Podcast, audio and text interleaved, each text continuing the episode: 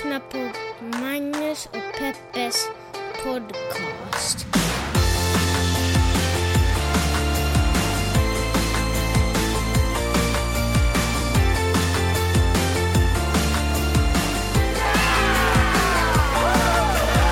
Ja, det är fredag! Kära, kära, kära vänner där ute i världen, får jag väl kanske också tillägga. Noterade ganska nyligen att vi har en lyssnare i Compton. Du, vem du än är som befinner dig i Compton, alltså Los Du måste vara Angeles, coolaste lyssnare. och lyssnar. Nej, det skulle jag inte vilja säga. Men jag är fortfarande ohyggligt nyfiken på vem, vem du är som har lyssnat på vårt avsnitt. Så om du förstår det här så hör av dig för jag vill veta vem du är. Ehm, hjärtligt välkomna till podden som heter Magnus och Peppes podcast och det är fredagsspecialen som vi drog igång för några veckor sedan. Eh, där vi pratar om lite mer, kanske nöjesrelaterat och kanske... En lättsammare version, skulle Vi kunna säga försöker, det? vi försöker liksom anstränga oss att låta gladare nu. Eh, för er skull, för det är fredag, vi har ju alla gjort igenom en hel vecka och alla vet att när det är fredag då ska man vara glad för då är det helg. Jag vill också passa på att tacka Kai Korkeaho som Jaha. har betalat för den här podcasten. Verkligen! Eh, Och hyggligt generöst. Jag uppmuntrar er alla att följa Kai Korkeahos eh, exempel och betala in till vår podcast. Och då rekommenderar jag att man prenumererar. Så signa upp för att prenumerera på vår podcast. Det ger er minst fyra avsnitt, men det är liksom mellan fyra och åtta avsnitt i må... Fyra och åtta avsnitt i månaden! Det är helt sjukt! Och det kostar bara 2,80 någonting cent. Så gå in och gör det, alltså typ, vad ska jag säga, 25 spänn kanske. eller Något sånt, i månaden. Så gå in och gör det, JeanetteOhman.com. JeanetteOhman.com i högerbalken har ni Paypal-symboler, så välj den som passar er bäst. Oj! Hur var din vecka? Det har varit bra. Jag har haft, oj förlåt, jag har haft mycket jobb på gång. Mm. Jag håller på med ett, eh, jag håller på med ett stort ingen som projekt frågade, som eh, handlar om att betala tillbaka en jättestor skatteskuld Ja. till eh, Finland. Så... Och jag betalar gärna skatt, jag tycker det är en bra sak. Mm. Men just nu utnyttjar jag ju inte någonting av Finlands eh, utmärkta Men det är ju för att du socialsystem. råkar vara frisk och sånt. Om du skulle Ja. bli kroniskt sjuk så skulle du vara där och utnyttja det. Men jag vill, jag vill tänka så att nästa gång ni tar ett barn till, eh, till, barn, till eh, vad heter det, mödravårdscentralen, så kanske det är jag som har betalat för den gången. This one's on me. It's Ja, on the house. jag bjussar på den. Ja. Det är schysst av dig Peppe. Men man ska betala skatt så att det är inte så att du gör något extraordinärt. Nej, jag gör Det det, mer att du- än gärna. Verkligen. Men äh, därför försökte jag ta på mig extra många uppdrag och, så har jag, och många, alltså de flesta uppdragen är väldigt roliga. Det största jag håller på med just nu Vilket är det tråkigaste? Vilket är det tråkigaste uppdraget du har fått den här nu? Jag tänker att ingen på huset lyssnar väl ändå på det Nej, här. Nej, jag skojar! Jag skojar Magnus, lite humor ska väl jag också få ha i den här podden. Ja, det ska du få. Okej, men ta Ja, ett av de lite mer extraordinära. Jag, lyssnar, jag ska skriva en bok tillsammans med Hanna Videll och Amanda Schulman som har en podd som heter Fredagspodden i Sverige. Och eh, Någorlunda stor podd får man man väl ska väl kunna säga det. Och, eh, och nu lyssnar jag igenom, eh, jag kan, det är omöjligt att lyssna igenom alla deras podcaster, de har ju, eller alla, Alla deras poddar, avsnitt. Ja, det borde jag väl kunna. Jag Ja, själv brukar ju vara otroligt irriterad när folk säger podcast när de menar ett poddavsnitt. Ja. I alla fall, jag lyssnade igenom ungefär 20 stycken, 15-20 stycken de senaste dagarna och, och kommit på två saker. Mhm. Eh, folk har mycket ångest. Mm, Okej. Och det andra är att... eh, Alltså jag- för att Hanna och Amanda har sagt att folk har Nej, mycket, men de eller? berättar om sin ångest. Ah, okej. Och så tror jag då får de mycket respons där folk berättar om... Jag är också med i en Facebookgrupp som heter Fredagspodden vänner, Fredagspoddens vänner, där folk berättar om ångest. Och, och eh, då tänker jag att jag är ganska lyckligt lottad som själv inte bär på det. Det händer visserligen att jag vaknar upp mitt i natten och har dödsångest. Men, eh, Det är väl exakt det folk pratar om. ja, men sen, sen somnar man om och lyssnar på, lyssnar på en, en eh, NPR-podcast, tröttar sätter man i öronen, somnar om och så vaknar man glad igen. Jaha, är det så? I alla fall. Jag har förstått att folk antingen identifierar sig med en Hanna eller med Amanda. De är som två lite olika typer. Och jag tror det är därför som podden också är, är så populär, för att man kan ha liksom... Man kan se det antingen från Amandas sida eller Hannas sida. Och de bråkar ju aldrig, de tycker väldigt mycket om varandra, mycket, mycket, mycket kärlek. Men eh, de har ändå två väldigt tydliga roller. Kan du bara snabbt, jag är inte superbekant med deras podd, kan du bara snabbt, hur är då, hur är Hanna personen och hur är Amanda personen? Hanna är mer så här, hon är lite av ett kontrollfreak, hon ska ha kontroll på allt, hon är liksom en businesskvinna, hon är... Hon är kanske mindre ångestfylld, hon tycker om att få saker och ting gjorda och liksom... eh, en väldigt chefig person. Mm, alltså du. Medan Amanda är, hon är mer sådär, eh, ska man säga, hon tänker mycket på, hon har mer ångest kanske och mycket, hon tycker om att, att gå till läkare och kolla sin kropp och att, äh, vet du, kolla att hon, hon skulle gärna kolla varje dag att hon inte har cancer eller någon annan sjukdom och, och uh, hon är kanske mer så här spirituellt lagd. Mhm. De talar mycket känslor och talar mycket om sin terapi och de talar både mycket om att det är bra att gå i terapi och, och uh, om man ska säga sådär att hon är, Så hon är kanske en mer jag. De berättar så här till exempel att, att hon, den, Hanna sa att, de, att det är inte alls så ovanligt att, att, uh, att uh, Amanda som är då gift med Alex Schulman, att de åker till Arlanda och de ska åka på resa och så åker de fel dag. Det har liksom hänt jättemånga gånger. För de har så dålig koll. Och då säger, då säger Amanda så här, men då är vi bara snälla mot varandra, vi förstår alltid att dens... Så kan det gå ibland. Den, Så vadå, Hanna och de har redan dragit? nej men typ ja. Ja, Okej. Men i alla fall, så berätta, den, är- eftersom de är gravida, de har båda tre barn, så de är gravida liksom i stor del av de här podcastavsnitten. och så berättar, de, så berättar Amanda hon drömmer, hur hennes dröm är det här att eh, redan de tre första månaderna när man är gravid, innan man ens har berättat det till någon, att han någon liksom har med sig en, en sjuksköterska eller en barnmorska som kan prata med en, och man kan liksom, eller en terapeut eller någonting som man kan vädra sina tankar. Och så följer den här personen med en genom hela graviditeten, det är ju ganska vanligt. Alltså en dola? Ja. Men dolan är väl med mest under förlossningen kanske och slutet okej. av graviditeten. Ja. Men jag gillar att du slängde in kanske... Och, eh, och sen också efter, så är den här samma personen med en såklart under förlossningen och sen också följer den efter förlossningen, så kom- gör den liksom hembesök så hon kan sitta på soffan och... Först ska man stanna länge på sjukhuset, man föder barn, stannar länge på sjukhuset, blir omhändertagen och liksom ompysslad och, och så kommer det sjuksköterskor in och frågar, ser en i ögonen och frågar, frågar med snäll röst hur man mår och, och liksom lyssnar på en. Och så åker man hem med bebisen och så kommer det gör de hembesök i liksom hur många månader som helst. Liksom. Sitter man i soffan och dricka te och så kommer det en sjuksköterska hem till en och pratar. Och, eh, och då tänker jag att det här är verkligen min värsta mardröm. Fast du ändå ser dig själv som en eh, Hanna? Ja, men det här var Amanda. Men herregud, hur ska man hålla koll på det här? Ja. Och jag tänker att alltså, min drömmen för mig när jag födde barn, vad som vi gjorde nu, födde barnet, fyra timmar senare sitter vi i bilen och kör hem. Så basically, åker in till Silver Lake, tar ett långt bad och sen åker hem och sover. Men exakt. Det är min drömförlossning. Ja, men otroligt, det är otroligt spännande i alla fall att, att äh, sätta så här intensivt lära Men vad ska boken handla om? Vad, vad, vad är det du gör med dem? Den heter The Diamond Year. Eller får du och, berätta äh, det här? Jag tror Ja. det. För de har ju gått ut och sagt att vi ska skriva en bok tillsammans. Mm, ja, det stäm- Så det måste väl vara... Annars kanske jag får sparken från det här projektet. Tråkigt. Ja. Och äh, det ska För handla om... skattemyndigheten i Finland alltså. Det ska handla om, eh, om eh, hur man ska leva sitt liv på ett bättre sätt. Okej. En självhjälpsbok? Ja, det ska, med, med avstamp i podcasten som heter Fredagspodden. Okej, när ska den vara klar då? Hur lång tid har du på dig? Den ska ges ut i, i februari så att den ska vara klar om några veckor. Hur är det att skriva en bok för någon annan? Jag vet faktiskt inte, för jag aldrig gör gjort det. Men jag, jag vet faktiskt. Det så här är det ju alltid, man vet ju inte alls hur man ska göra. Så skickar man in en text och håller tummarna för att de som tar emot den inte ska hata den. Mm. Det kan ju vara att de hatar den och så får jag sparken och så är det någon annan som skriver den. När du ändå börjar prata om poddar så tänker jag prata om, eh, en podd. Mhm. Eller en grej som jag hörde i en podd, nämligen Ted Kais podd. Eh, Har du lyssnat på den utan jag har lyssnat på den, ja för att jag satt, eh, jag skulle åka 500 meter eh, här i LA och satt en timme i bilen. Därför att jag var omgiven av bilar som inte ville köra framåt. Så då hade jag anledning att eh, istället göra det till en positiv upplevelse. Så jag satte på podcasten Ted och Kai och så lyssnade jag på det. Och då pratar de om, Ted, eh, Ka- Kai är då misstänker jag en mer Amanda-typ. Lite mer osäker, eller inte osäker så, men en sökande människa fortfarande.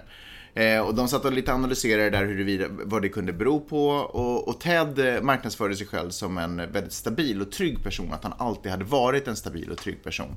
Och så funderar de på, sedan gymnasiet då, ungefär. Och sen så funderar de på hur det här kunde komma sig. Och eh, de var ju helt ute och cyklade i sin analys måste jag säga. Är det sant? Ja, de var så långt ute och cyklade i sin analys. Hur Så, då? Nu vill jag höra exakt vad de sa. nej, eh, nej det, det får du ju göra om du lyssnar på deras senaste avsnitt som heter typ hashtag någonting. Men jag skulle vilja bara lyfta fram en liten grej här. Därför att i sin maniska, fantastiska trygghet så berättade ändå Ted om en situation där han hade befunnit sig på en lek, eh, lekplats, typ. Eh, och där han hade liksom forcerats in, eller inte forcerat, men han hade hamnat i en situation där ett, ett barn hade börjat leka med honom. Eh, inte hans eget barn då alltså, utan ett annat barn hade börjat, och lite hur han skulle hantera det här. Och nu var det också så, till saken hör att det här barnet talade ingen finska och Ted beskrev eh, mamman som, eh, som Sana i, eh, i Skam.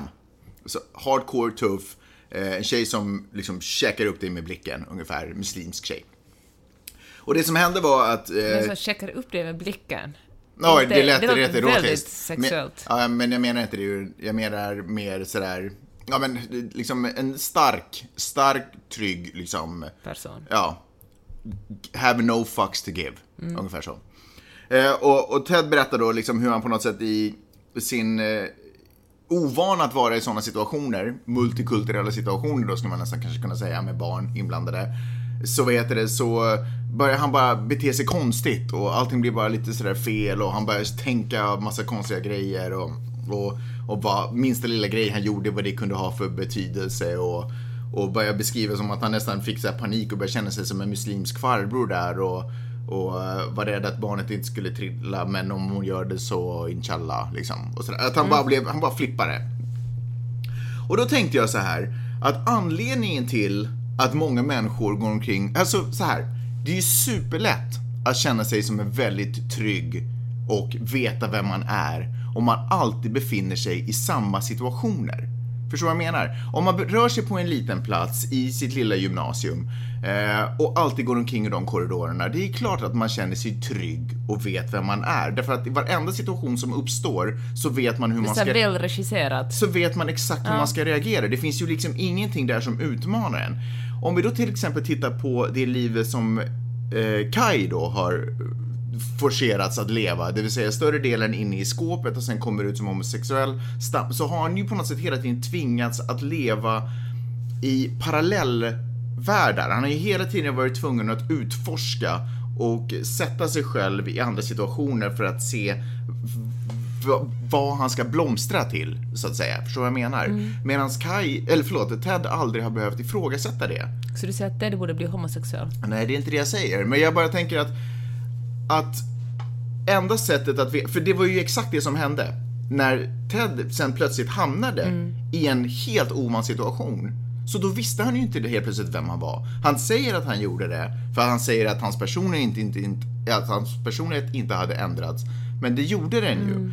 För det enda sättet som du egentligen kan mäta dig för vem du är, det är ju när du reflekterar dig mot andra människor. Du kan inte om, om, om du var den enda människan på jorden och det fanns ingenting annat så skulle du ju aldrig gå och fundera på vem du är. Därför att du, det är ju först när du ser en annan människas beteende som du har någonting att jämföra dig med som du helt plötsligt sätter dig själv i. Jag fattar. en Vilken bra analys, Magnus. Så då tänkte jag sådär att eh, man, man får ju naturligtvis leva hur man vill. Men Det kommer alltid ett men efter att någon säger den där, de där orden. Ja, nej men jag tyckte bara att det var synd att, att, eh, att Kai, alltså du vet när man pratar om folk som söker och, och när man, sådär människor som, för jag kan fortfarande känna över 40 att jag inte alltid riktigt vet vem jag är. Men så å andra sidan så, när jag satt och tänkte på det, så de tillfällen som jag suttit och funderat på vem tusan jag är, är till exempel ett tillfälle som nu, där jag precis har brutit upp med ett helt gammalt liv och placerat mig i en ny situation. Det är klart att man då igen måste försöka finna sig själv, därför att nu reflekterar jag ju mig och min personlighet och de egenskaper jag har mot den omgivningen jag är. Och det är klart att när man är ny på en plats så då man måste försöka hitta sig själv. Man är ju alltid en pusselbit var man än är. Man måste bara försöka hitta sig i det här stora pusslet. Men det är klart, om jag hade surrat omkring på Södermalm än idag eh, och aldrig lämnat den platsen. Det är klart att jag hade vetat vem jag hade varit. Därför att jag hade ju, det fanns ju ingenting i de yttre omständigheterna som hade fått mig att, att ifrågasätta hur jag ska bete mig för att allting är gammalt och allting är vanligt. Förstår du vad jag menar? Så det är ju lätt att prata om folk som inte riktigt hittar vilka de är, som, som vilsna och förlorade och du borde samla dig, du borde try- eh, liksom stabilisera dig. Eh, men det jag tycker hedrar ibland, eh, förutsatt att man inte liksom mår psykiskt dåligt av det, men hedrar människor som fortfarande funderar på vem man är och liksom, det är ju att det är fortfarande är sökare av världen, tycker jag på något sätt. Det behöver inte vara globalt värde, men på något sätt ändå sina egna lokala världar. Så du Att menar att sökare är också kanske mer flexibla? Nej, jag, Eftersom de inte är bombsäkra på vem de är så är de lättare kanske för att, att uh, befinna, sätta sig i nya stationer. Så, så här, alltså det som jag tycker är svårt är att jag, jag, jag famlar lite med orden därför att jag vill inte lägga sådär att det är bra att vara, inte veta vem man är och dåligt att veta vem man är för då har man aldrig testat på någonting. För det är inte så jag riktigt vill se det, men jag tycker att det är givet att de här två olika människotyperna måste finnas för att om vi alla går omkring och söker vilka vi är så då tror jag att det blir ganska kaotiskt och lite vingligt eh, i samhället. Så man behöver ju människor som är rotade, som inte, som min pappa till exempel, han har inga ambitioner att ge sig ut i världen. Han vill ha sina böcker och han vill ha sin stabilitet.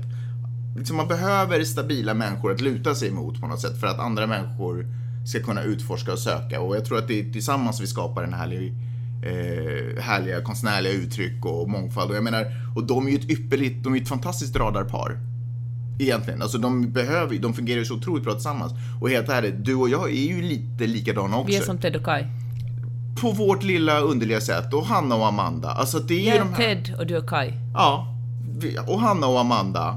Hanna är ju då eh, Ted. Ted. och Amanda är ju liksom, alltså de här jag tror att de här yin och yang personerna söker sig till varandra så det finns egentligen ingen anledning att sitta och fundera på och kasta skit åt det ena eller andra hållet utan det är, det är tydligen eh, det finns en magnetism där som skapar bra saker, tänkte jag. Ja, fint sagt. Här firar man eh, Halloween i, eh, i tisdags. Och det går ju alla ut, inte bara barnen utan också föräldrar, klär ut sig och går ut och tiggar godis. Och eh, på ena av Utom du gatorna... och jag. Jag vet, men nästa år ska vi väl göra det. Nästa år ska vi ha en koordinerad eh, familjeutstyrsel. Det första roligt, vi, vi har ju klätt ut sig till Bendy and the Ink Machine. Någonting som vi trodde var supernischat, som ingen annan än, än eh, Vidde själv visste om, någon obskyr figur han hittade på YouTube. Men sen när vi var ute på stan med honom så var folk sådär Bendy, awesome costume. Men får jag också bara tillägga att det var de lite äldre och lite coolare kidsen som var så här, hej Bendy, cool. Ja, sant. Det tycker jag var lite tufft. Alltså. 11-12-åringarna. Still. Jag vet. Då finns det en gata, 16 gatan, här i det rika kvarteret North of Montana, där folk verkligen går all in. De börjar den första oktober som ett slags adventskalender som leder upp till halloween. Och så lägger de på lite mera spindelnät eller eh, spöken eller skelett på gården till sitt hus. Och Ja, sporten är nästan varenda dag man går förbi huset, om man orkar gå förbi huset, är identifiera vad är det nya som är tillagt. Ja, men precis. Och det finns ett speciellt ett hus som varje år bygger upp en, en, en spöklabyrint. De gör a haunted house. Alltså Och, eh, spökhuset på Grönan gör ja. de live. Exakt. Eller, ja. Och så på baksidan av huset, eller på deras egen innergård med pool och allting, har de en fest för speciellt inbjuda folk. Och det står folk och, och de delar också ut små så här gosedjur åt barnen som kommer att gå i den här labyrinten. Och eh, deras gård är ju liksom, varje år, förra året hade de en, en segelbåt, en riktig segelbåt som hade gjort i ett piratskepp. det hade de i år också. Nej, nu hade de en vanlig motorbåt, eller så här Aha, 60-tals okej, okej, teak okej. eh, motorbåt, väldigt fin. Och i alla fall en massa andra grejer. Och eh, folk köar ju liksom, man kan stå i en timme och köa för att få komma in i den här labyrinten. Det vågar jag givetvis inte göra.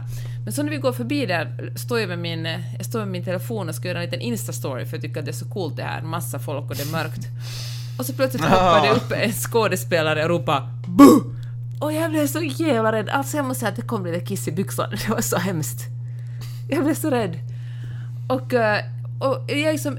Jag, jag liksom älskar folks eh, kärlek gentemot skräck och halloween, men jag fattar inte än.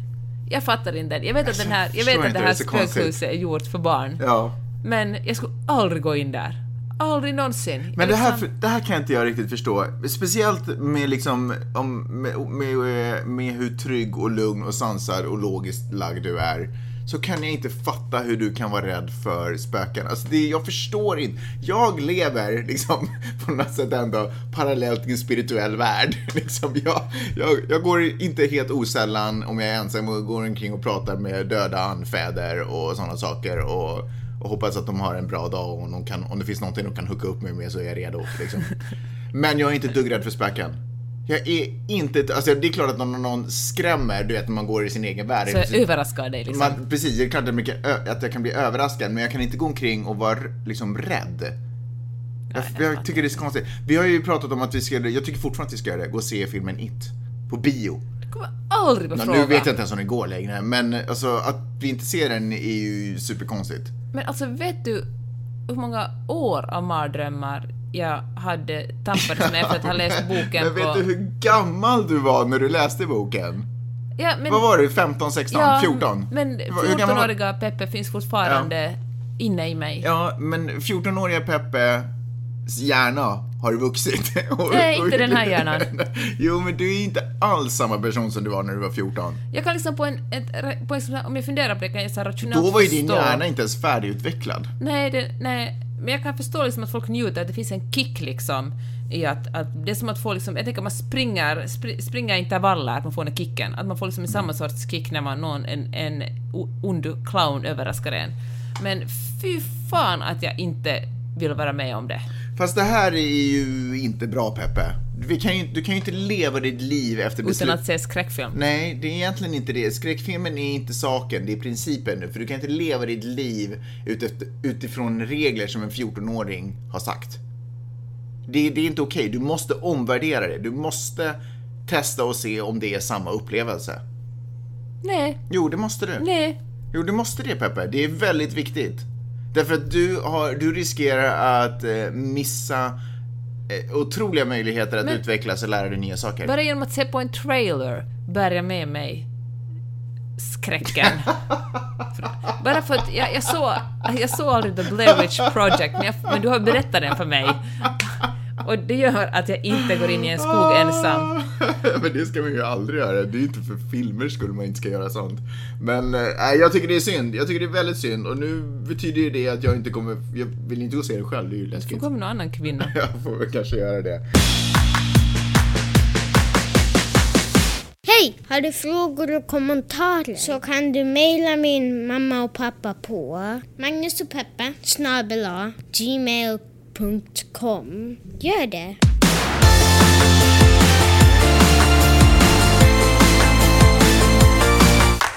Ska vi gå igenom eh, dagens eh, hashtag metoo-skörd? Kevin Spacey är den som har fått mest, eh, ska jag säga, i media nu under den här senaste veckan, eller senaste dagarna. Eh, bland annat så har han, eh, så har han gropat. Vad fasiken är ett svenskt ord för det?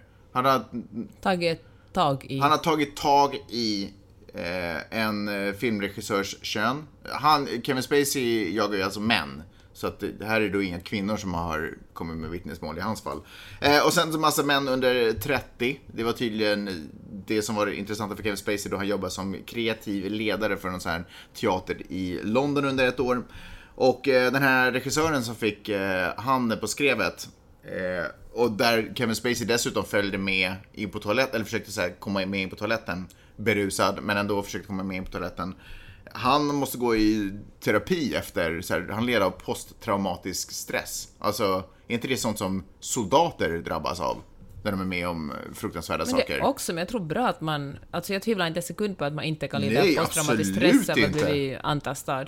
Absolut inte. Eh, det är ju... Jag, det måste ju vara för att om det, om det hade varit en vanlig, som en random snubbe på den här baren där de satt som hade tagit, då tror jag, som hade tagit honom på könet, då tror jag inte han hade lidit av posttraumatisk stress och måste prata med sin Varför inte? Nej, därför att jag tror att det här, det är faktiskt makten här som också är det enorma inflytandet som Kevin Spacey, jag tror att det, det var inte bara ångest för att han gjorde ett, ett jobbigt närmande. Jag tror att det också väcker tankar om min egen framtid, du vet om det Nej, var jag tror faktiskt att Tror det handlar om, om ja, det sexuella våldet, liksom att någon försöker... Någon, Jag tror verkligen det. rö- alltså, ja, det, någon som rör en på ställen man inte, som, som verkligen känns, fan nu talar jag också engelska, men invasive, alltså någon som kommer för nära och tar en på fel ställen. Huh. Fy fan alltså. Konstigt, jag har svårt att föreställa mig. Jag, tänk, jag tänkte nämligen Jag tänkte att du vill så här rationalisera det och tänkte att åh, det handlar också om min framtid, men jag tror faktiskt det handlar om liksom, ja, någon har kommit för nära en. Nej, för det är ju svårt med en sån man som man säkert vill jobba med professionellt för, för talangens skull. Eh, och också säkert inflytandets skull som Kevin Spacey garanterat måste ha eh, i Hollywood. Eh, att man ändå, man vill ju hålla en god relation så att man blir ju säkert, det måste ju vara, tro, alltså, jag menar en, en vanlig typ kan man ju liksom i värsta fall slå på käften liksom. Fast vet du vad, nu, nu talar du ur en person som aldrig, som aldrig liksom blivit utsatt för det här. För jag tänker, jag tror liksom att, nu är som jag aldrig blivit... Men jag pratar nu man och man, jag pratar inte kvinna som blir utsatt av man, för jag tror att där är en annan situation. Nej, jag tror faktiskt att män kan känna sig lika illa till mods och lika, lika så här kränkta. Och det känns så smutsigt, man vill gå hem och skura sig ren. Jag har ju aldrig fått en hand på mitt kön någonsin. Men eh, any situation. Men, eh, men däremot så har jag ju blivit nypt i baken. Och fått en hand på min eh, nätta kärt. Eh, men det har jag inte egentligen upplevt. Men då, då tänker jag att jag var på en, en gayklubb så då får man väl det väl, jag vet inte, får man ta det då? Det var konstigt. Kanske man Nej, det behöver man inte ta. Nej, det behöver man faktiskt inte alls ta. Men, men det känns konstigt att liksom kasta sig in, in i en lejonkula och sen bli arg på att det finns massa lejon som bits. Nej, nu måste väl folk som är gay också visa respekt? Jo. Men folk som, jo. Men, men Det, det, där har... är också sådär att den som Ja. säger leken ger, eh, han får leken tåla. Nej, men- Vad fan? Nej men det, Nej. jo fast det är skillnad för snubbar. Det är skillnad för en, för killar, alltså det finns ju, det är ju ingen som har ett, en, en, den makten över mig därför att det är bara män vi pratar om. Då har de fysisk makt nu. Ja, precis. Så att jag är ju aldrig rädd för min... Jag är inte rädd för att den här Men handen du kommer leda till mycket- att jag ska bli våldtagen. Men tänk om du, alltså män blir ju också våldtagna. Jo, jag vet. Jag förstår det. Tänk om du var mycket, nu råkar du ju vara stark, men tänk om du var en, en svagis. Svagis. Ja. Ja, kanske. Ja, kanske, kanske, kanske, kanske. Ja, jag, jag vet inte. Fruktansvärt är det i alla Jag fall. tycker det är otroligt viktigt att vi inte förminskar Nej, mäns upplevelser. det- det är inte men alls- också kommer ihåg att det är mest män som utsätter både kvinnor och män för det här. Verkligen. Det, var inte, det är inte alls min mening att förminska. Jag försökte bara fundera på om... Ja, men det är bra att du uh, vädrar dina tankar. För jag tänkte att makten här är, är en otroligt viktig variabel. Men det, du menar att den inte är det? Jag tror att makten från den personen som rör den andra personen tycker sig ha rätt eftersom den här personen har makt på något sätt, han är, han är inflytelserik eller har mycket pengar eller på Ja. annat sätt är stark. Att det ger honom rätt, äh, det ger honom livets inte men han liksom förklarar för sig själv att han har rätt eftersom han är mäktig. Men jag tror att den posttraumatiska ångesten och stressen handlar om, eh, om att man har blivit någon har liksom skit i ens integritet och tagit på en på ett sätt som känns väldigt obehagligt.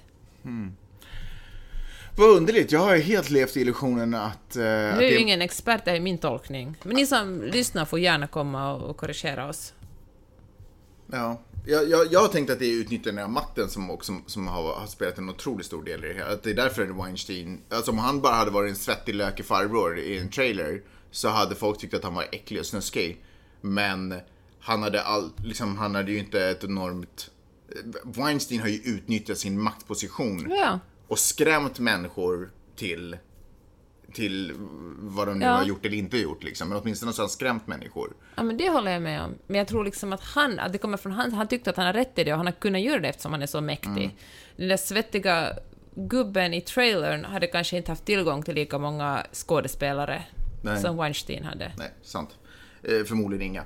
Eh, svensk komiker skrivs det mycket om också just nu. Vet du vem den svenska komikern är? Ja, Du vet det? Är du, är jag du vet säker? att det är en vecka Är det så? för att vara lite speciell här. Varför, nu, är, nu är jag också lite så här. det pratas också om en svensk programledare på TV3. Nu har man liksom gått igen, tillbaka till det här att nu pratar man, man benämner bara männen som profiler. De är aldrig vid namn. Och då undrar jag, varför, varför säger inte media vem den här svenska komikern är?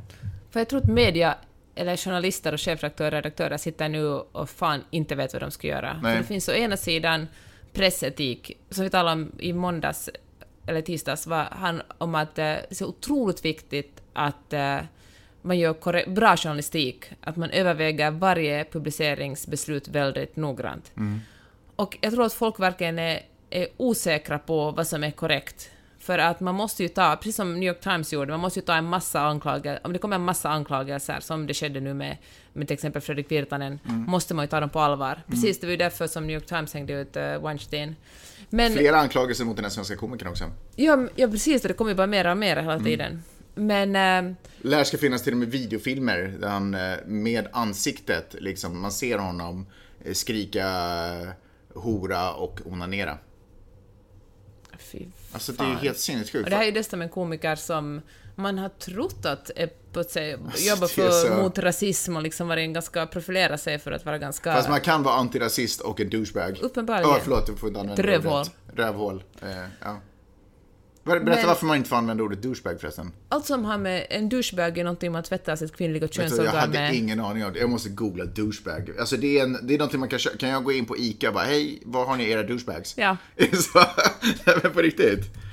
Ta och googla det. Men så tycker jag, men i alla fall, Vad heter det på svenska? jag vet faktiskt inte. Douchebag. Bilder.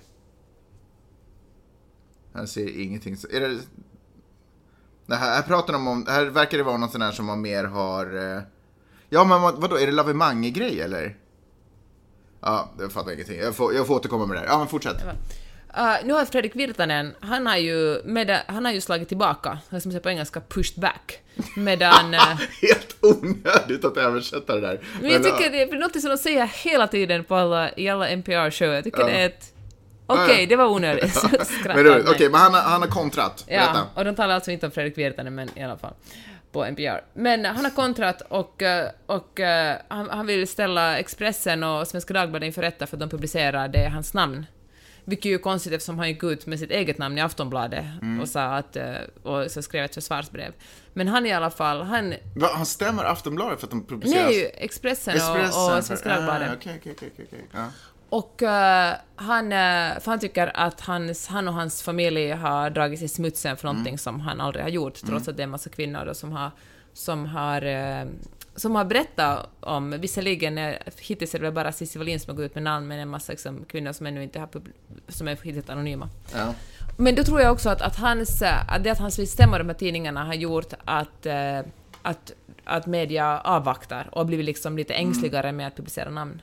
Och, och det är väl i och för sig vettigt att man inte är sådär, okej nu är det så, nu är det öppet, nu kan vi publicera allas namn som kommer ut. Att man För att det gör man tydligen i USA, med det är Spacey, jag Dustin vet. Hoffman. Men Men de här är, jo, det är också kanske för att Sverige är mindre. ja exakt. Alla det. känner ju varandra. Och jag tycker ändå att bara för att man gör det i USA, så behöver det inte nödvändigtvis vara bra. Nej, det är sant. Och jag tycker att det är viktigt att man ändå tar varje fall till tidningen och överväger, är det här också ett sånt fall som i det här tidigare där vi ska publicera namn eller inte? Det är så intressant tycker jag med Virtanen, för att eh, de andra har ju... Lasse Kronér har väl avgått, eller åtminstone han slutar. Han, han, han kommer inte att göra någonting på länge nu. Nej. Och Martin Timell söker hjälp, alla hans TV-program är borta. Mm. Men, eh, så de har liksom lagt sig, de har lagt sig på rygg och med benen i luften. Men eh, det att, att Fredrik Virtanen vägrar göra det här, Mm. jag undrar om han blir någon slags prejudikat för andra män Att i samma alla- att position. folk ja, men se, folk har sagt jaha, så där kan man också göra. Man kan bara förneka allt och säga att kvinnor är hysteriska lögnare och, eh, och, eh, och stämma de tidningar som, som skriver ut ens namn. Jag tror att det går att göra då det fallet är våldtäkt. Jag tror att de andra, det var svårare för de andra för då var det sådär, du är en, du, ö, du är en idiot. Eh, och då är det liksom svårare att vara såhär, nej jag. Alltså, för det är ju lite in the eye of the beholder på något sätt. Vänta, nu fattar jag inte. Alltså, jag tror att det är lättare att förneka ju grövre brottet är. För då krävs det verkligen att man har Du menar att straffet också Ja, grövre? precis. liksom ja, exakt. Och den som anklagar måste ha mycket mer på fötterna för att kunna driva igenom det. Och för, att det ska, det, för det kommer ju aldrig bli en fällande dom på det. Förstår du vad jag menar? Du Så- menar på Timell kommer, i rätten kommer det aldrig att bli fällande dom? Nej, jag menar på Virtanen. Ah, ja, du menar Virtanen kommer ju aldrig Ah, få en är fällande dom på det. och- Exakt, ja. precis. Så att det är lättare för honom att förneka det. Medan till exempel i Timells fall, det, det är ju aldrig någonting som kommer gå till rätten. Det är ju anklagelser med bildbevis och vad det nu var, och vittnesmål och sådana saker som inte är... Det kräver inte lika mycket för att folk ska vara så här, ja men jag har, svårt, jag har inte så svårt att se det där.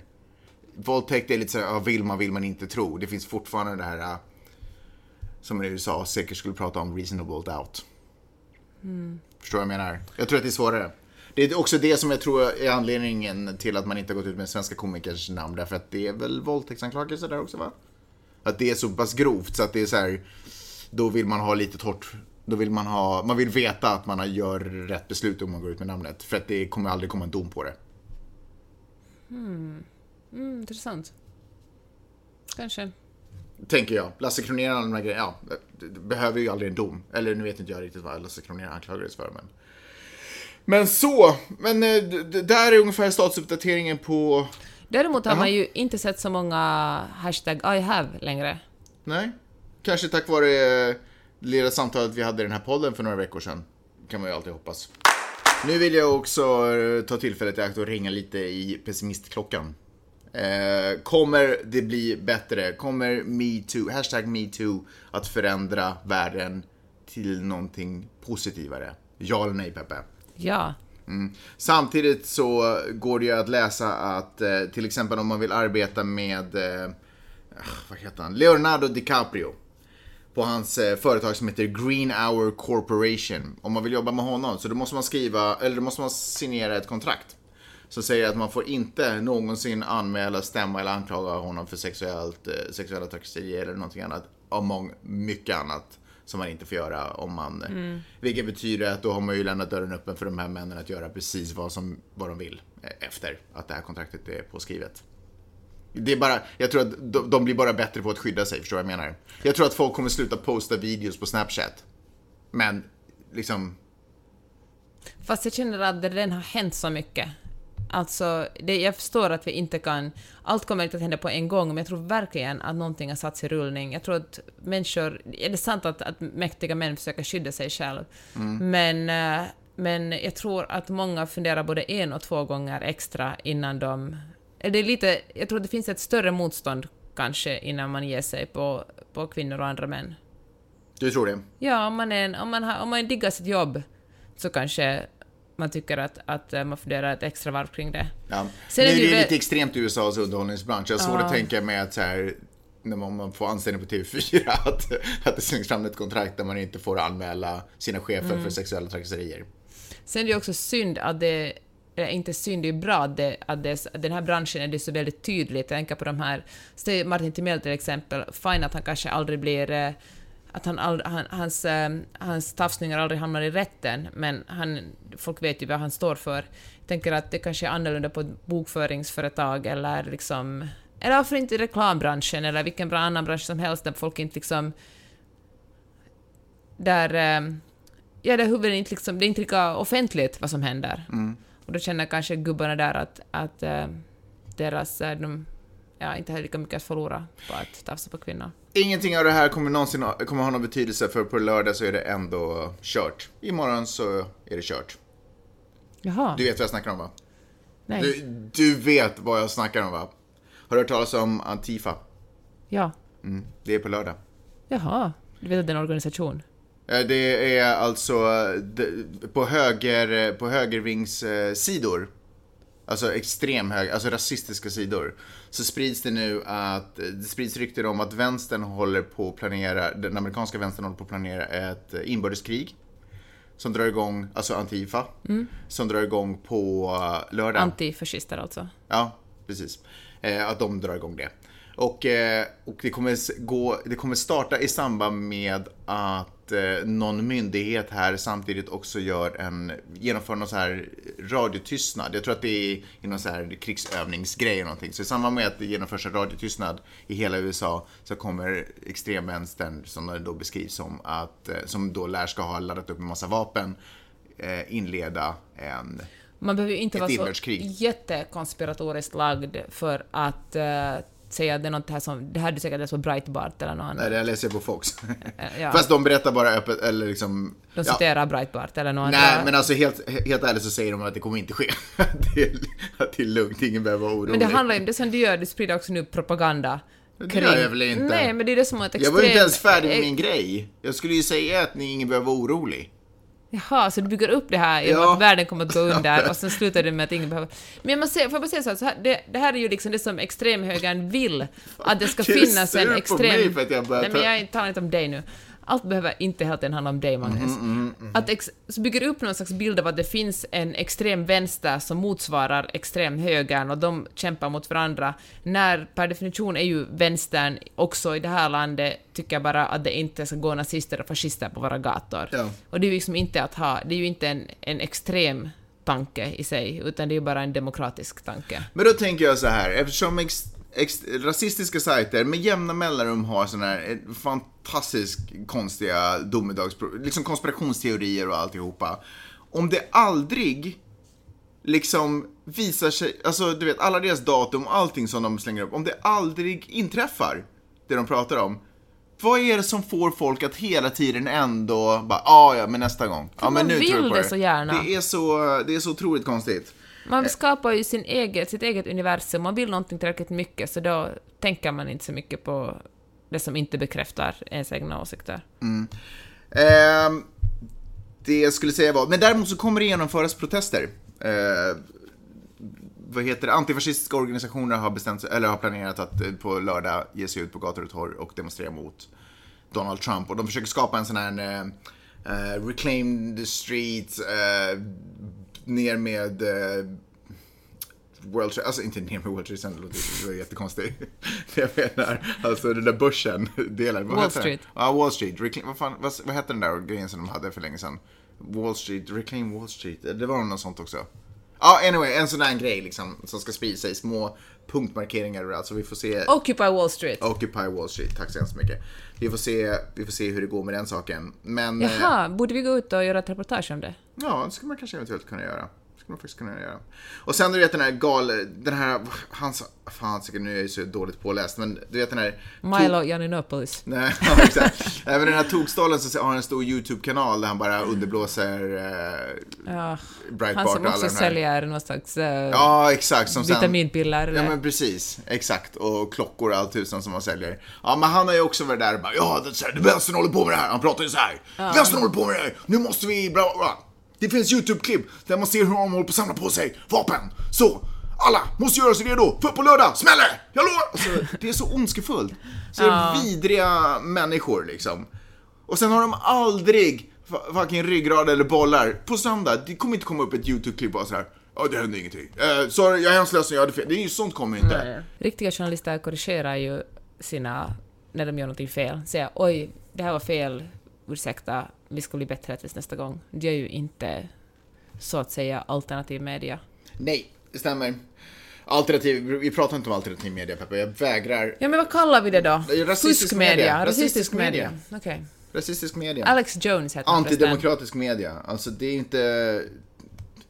Alltså är det, media, är det media bara för att man har en YouTube-kanal? Är man en del av media då? Man är en del av media, men man är kanske inte Man är journalist. väl del av en underhållning? De, de ägnar sig åt underhållning, Fast det är om vi ska gå och diskutera ord, är väl media just det? Kan vi tala om journalist eller journalism? Okej, fan jag blir bara arg och upprörd. Jag har en sista grej jag skulle vilja prata om innan Mm. vi klappar ihop den här kiosken, för att citera Emma från eh, Paradise Hotel. Eh, är du beredd, Jeanette? beredd. Det blir en, eh, en historisk återblick. En liten eh, undervisningssegment här.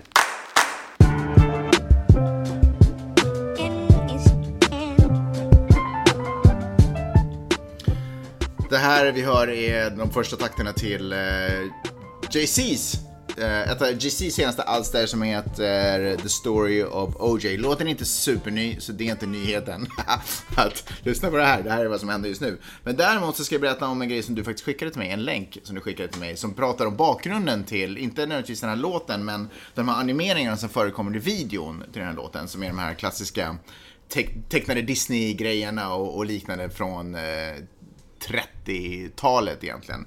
Och det jag inte visste, som jag tänkte att jag ville dela med mig till er, är uh, hur, hur tight kopplade de här uh, tidiga animeringarna, som vi fortfarande ser arv av i, i senare Disney-produktioner och andra tecknade figurer och sådär, eh, i hur tight kopplade de var till det som kallas för Mistrals, som var en, förete- en, en varieté-show som, eh, som var otroligt populär under 1830 och 1840. Det var då de egentligen peakade i sin popularitet. Eh, och för att backa bandet ännu mer, vi har pratat om det här tidigare, speciellt då det var någon i Finland som eh, hade gjort en blackface i humorsyfte, då pratade vi också om det här med Mistrals. Men jag tror att det är värt att påminna om det, därför att det här är ju Fine att det var en, för, att det var en, en underhållningsvariant som skedde för över 150, alltså 170 år sedan. Vad har vi för koppling till det idag? Men, men det kan ändå vara kul att veta. Arvet av rasism som lever kvar eh, i, i våra, än, ännu i våra tider. Så The Mistrals var egentligen, det var en, som jag sa, en varietéform, eh, mycket musik, men som i huvudsakligen gick ut på att vita människor och i och för sig också svarta människor var med i, i de här föreställningarna, men att man, man förlöjligade sig.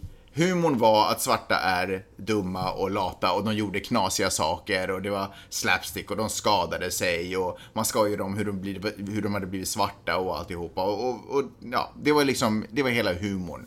1840-tal, 1830-1840-talet. Man förstår ju att USA var kanske inte det mest öppna och mest toleranta samhället. Även fast vi har fortfarande, de har fortfarande en väg att gå idag så var det ju naturligtvis mycket, mycket, mycket värre då. Eh, när, det här var alltså en humor, eller en underhållningsform som egentligen höll i sig i nästan 100 år. Så det, det är också sådär en, värt att tänka på hur djupt rotat det var, eller djupt integrerat det var i amerikansk vit underhållning. Att, att liksom titta på den här typen av underhållning. Så att det är ju liksom generationer som har impregnerats med den här synen på svarta. Sen eh, efter sekelskiftet, vi kommer in på 1900-talet och vi börjar komma in på 1920 och de första animeringarna egentligen börjar göras i USA. Så det de gör då, för det här är ungefär samma tid som The Mistrals börjar tappa lite popularitet. Så det de gör då är att de använder sig av det som fungerar, det som var roligt i Mistrals, nämligen den här äh, aggressiva slapsticken, det här att det var äh, svarta karaktärer som, som drabbades av allt det här. Äh, och, och, och, språket väldigt mycket, som också då var hur svarta talade. Var att man började använda det i den här Eh, de här tecknade filmerna. För att det fortfarande skulle vara en underhållningsform och det var fortfarande det sen hundra år tillbaka som hade varit det populäraste. Och det vi kan se idag, hela vägen, är de här stora ögonen på tecknade figurer som kommer från accentueringen av eh, de vita ögonen mot den svarta huden. De stora, den stora munnarna, de stora läpparna ibland, eh, som också då naturligtvis kommer från karikatyren av en svart person som har enorma, enormt stora läppar. Eh, det faktum att eh, saker och ting oftast exploderar framför personer som gör att de blir helt, eh, seriefigurerna blir helt svarta i ansiktet är också en klassisk grej som, allt, som var vanligt förekommande i, i de här mistralsarna. Det finns inte riktigt ett svenskt ord för det. Eh, och sen också de här handskarna som är kanske det tydligaste som finns kvar. Som till exempel samma handskar som Musse Pigg har. Eh, Musse Pigg som egentligen faktiskt var en, en liten svart figur Eh, då Musse Pigg har ju utvecklats otroligt mycket. Alltså ja. Musse Pigg såg ju inte ut som Musse Pigg. Nej, nej, men förstås inte. Det kan ni ju bara men googla. Musse Pigg var ju svartare, ännu svartare. Ja, precis. När han Man kan googla 20-30-talets Musse Pigg om Musse Pigg då fanns, eller om det bara förlagen till Musse Pigg då. Men vilket fall som helst, med de här handskarna som också var karak en karaktäristisk del av kostymen hos eh, en eh, Mistral framförare, mm. skådespelare, vad man nu ska kalla det för. Eh, och alla de här sakerna. Mistrals var ju mest, alltså det var ju blackface. Ja, ja. Otroligt mycket blackface. Det ja men precis, det var det, det, var det, som, ja. det var det det gick ja. ut på. Att förlöjliga svarta människor, förlöjliga deras... Och de här animationerna var ju otroligt, det är ju fortfarande otroligt mycket grovt våld mot de här eh, seriefigurerna som mm. är svarta. Precis, ja men exakt. Och det grova våldet var precis också någonting som gick med. Eh, musiknummer var, var oftast mycket populära i, i de här serie Eh, de här tecknade animeringarna på 30-talet. Det är också någonting som kommer från Mistral. Speciellt den sortens musik också. Om man lyssnar på den musiken från då så är den liksom, ja, från, från de här Mistralsarna. Eh, och sen då som sagt de här handskarna som var en del av kostymen som har levt kvar än idag som man kan se på Musse Pigg och... Eller Vidars Bendy. Eller till exempel Vidars Bendy. Och med det liksom... Jag tycker att det är, intress- jag tycker att det är intressant att att de här, alla de här sakerna finns kvar. Och det är klart att de har fått en annan betydelse idag. Men jag tycker ändå att det kan vara värt att ägna en tanke åt hur djupt rotad rasismen är i vår vita västerländska kultur. Och att vi faktiskt måste anstränga oss för det finns liksom ingen anledning att idag bygga på nya saker, för det finns redan så otroligt djupt rotat i oss. Så det, det, vi måste hela tiden anstränga oss för att liksom inte falla in i fällan att hela tiden... Du menar att vi är inte på noll nu, utan Ja, men exakt, precis. Att vi har ett långt vi har en lång tradition av att vara rasister. Får jag säga en annan populärkulturgrej som ja. folk gör utan att tänka på att det är rasistiskt? Det är när man eh, Säg att man för en diskussion på Facebook och vill vara lite lustig och lägga in en GIF som reaktion. Mm. Då är de väldigt ofta svarta människor, de här GIFarna. Jag vet att du har sagt det, jag vet ja. inte riktigt om jag håller med dig där. Men om och, du menar det så tror jag dig.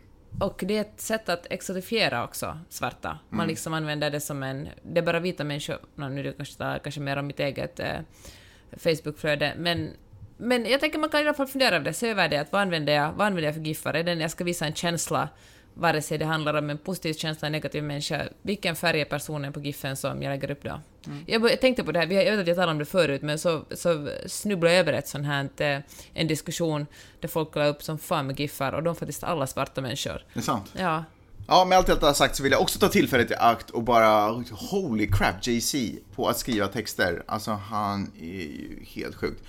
Eh, när vi ändå har den här låten på tapeten så tänkte att vi skulle lyssna på några rader. Lyssna på det här Peppe.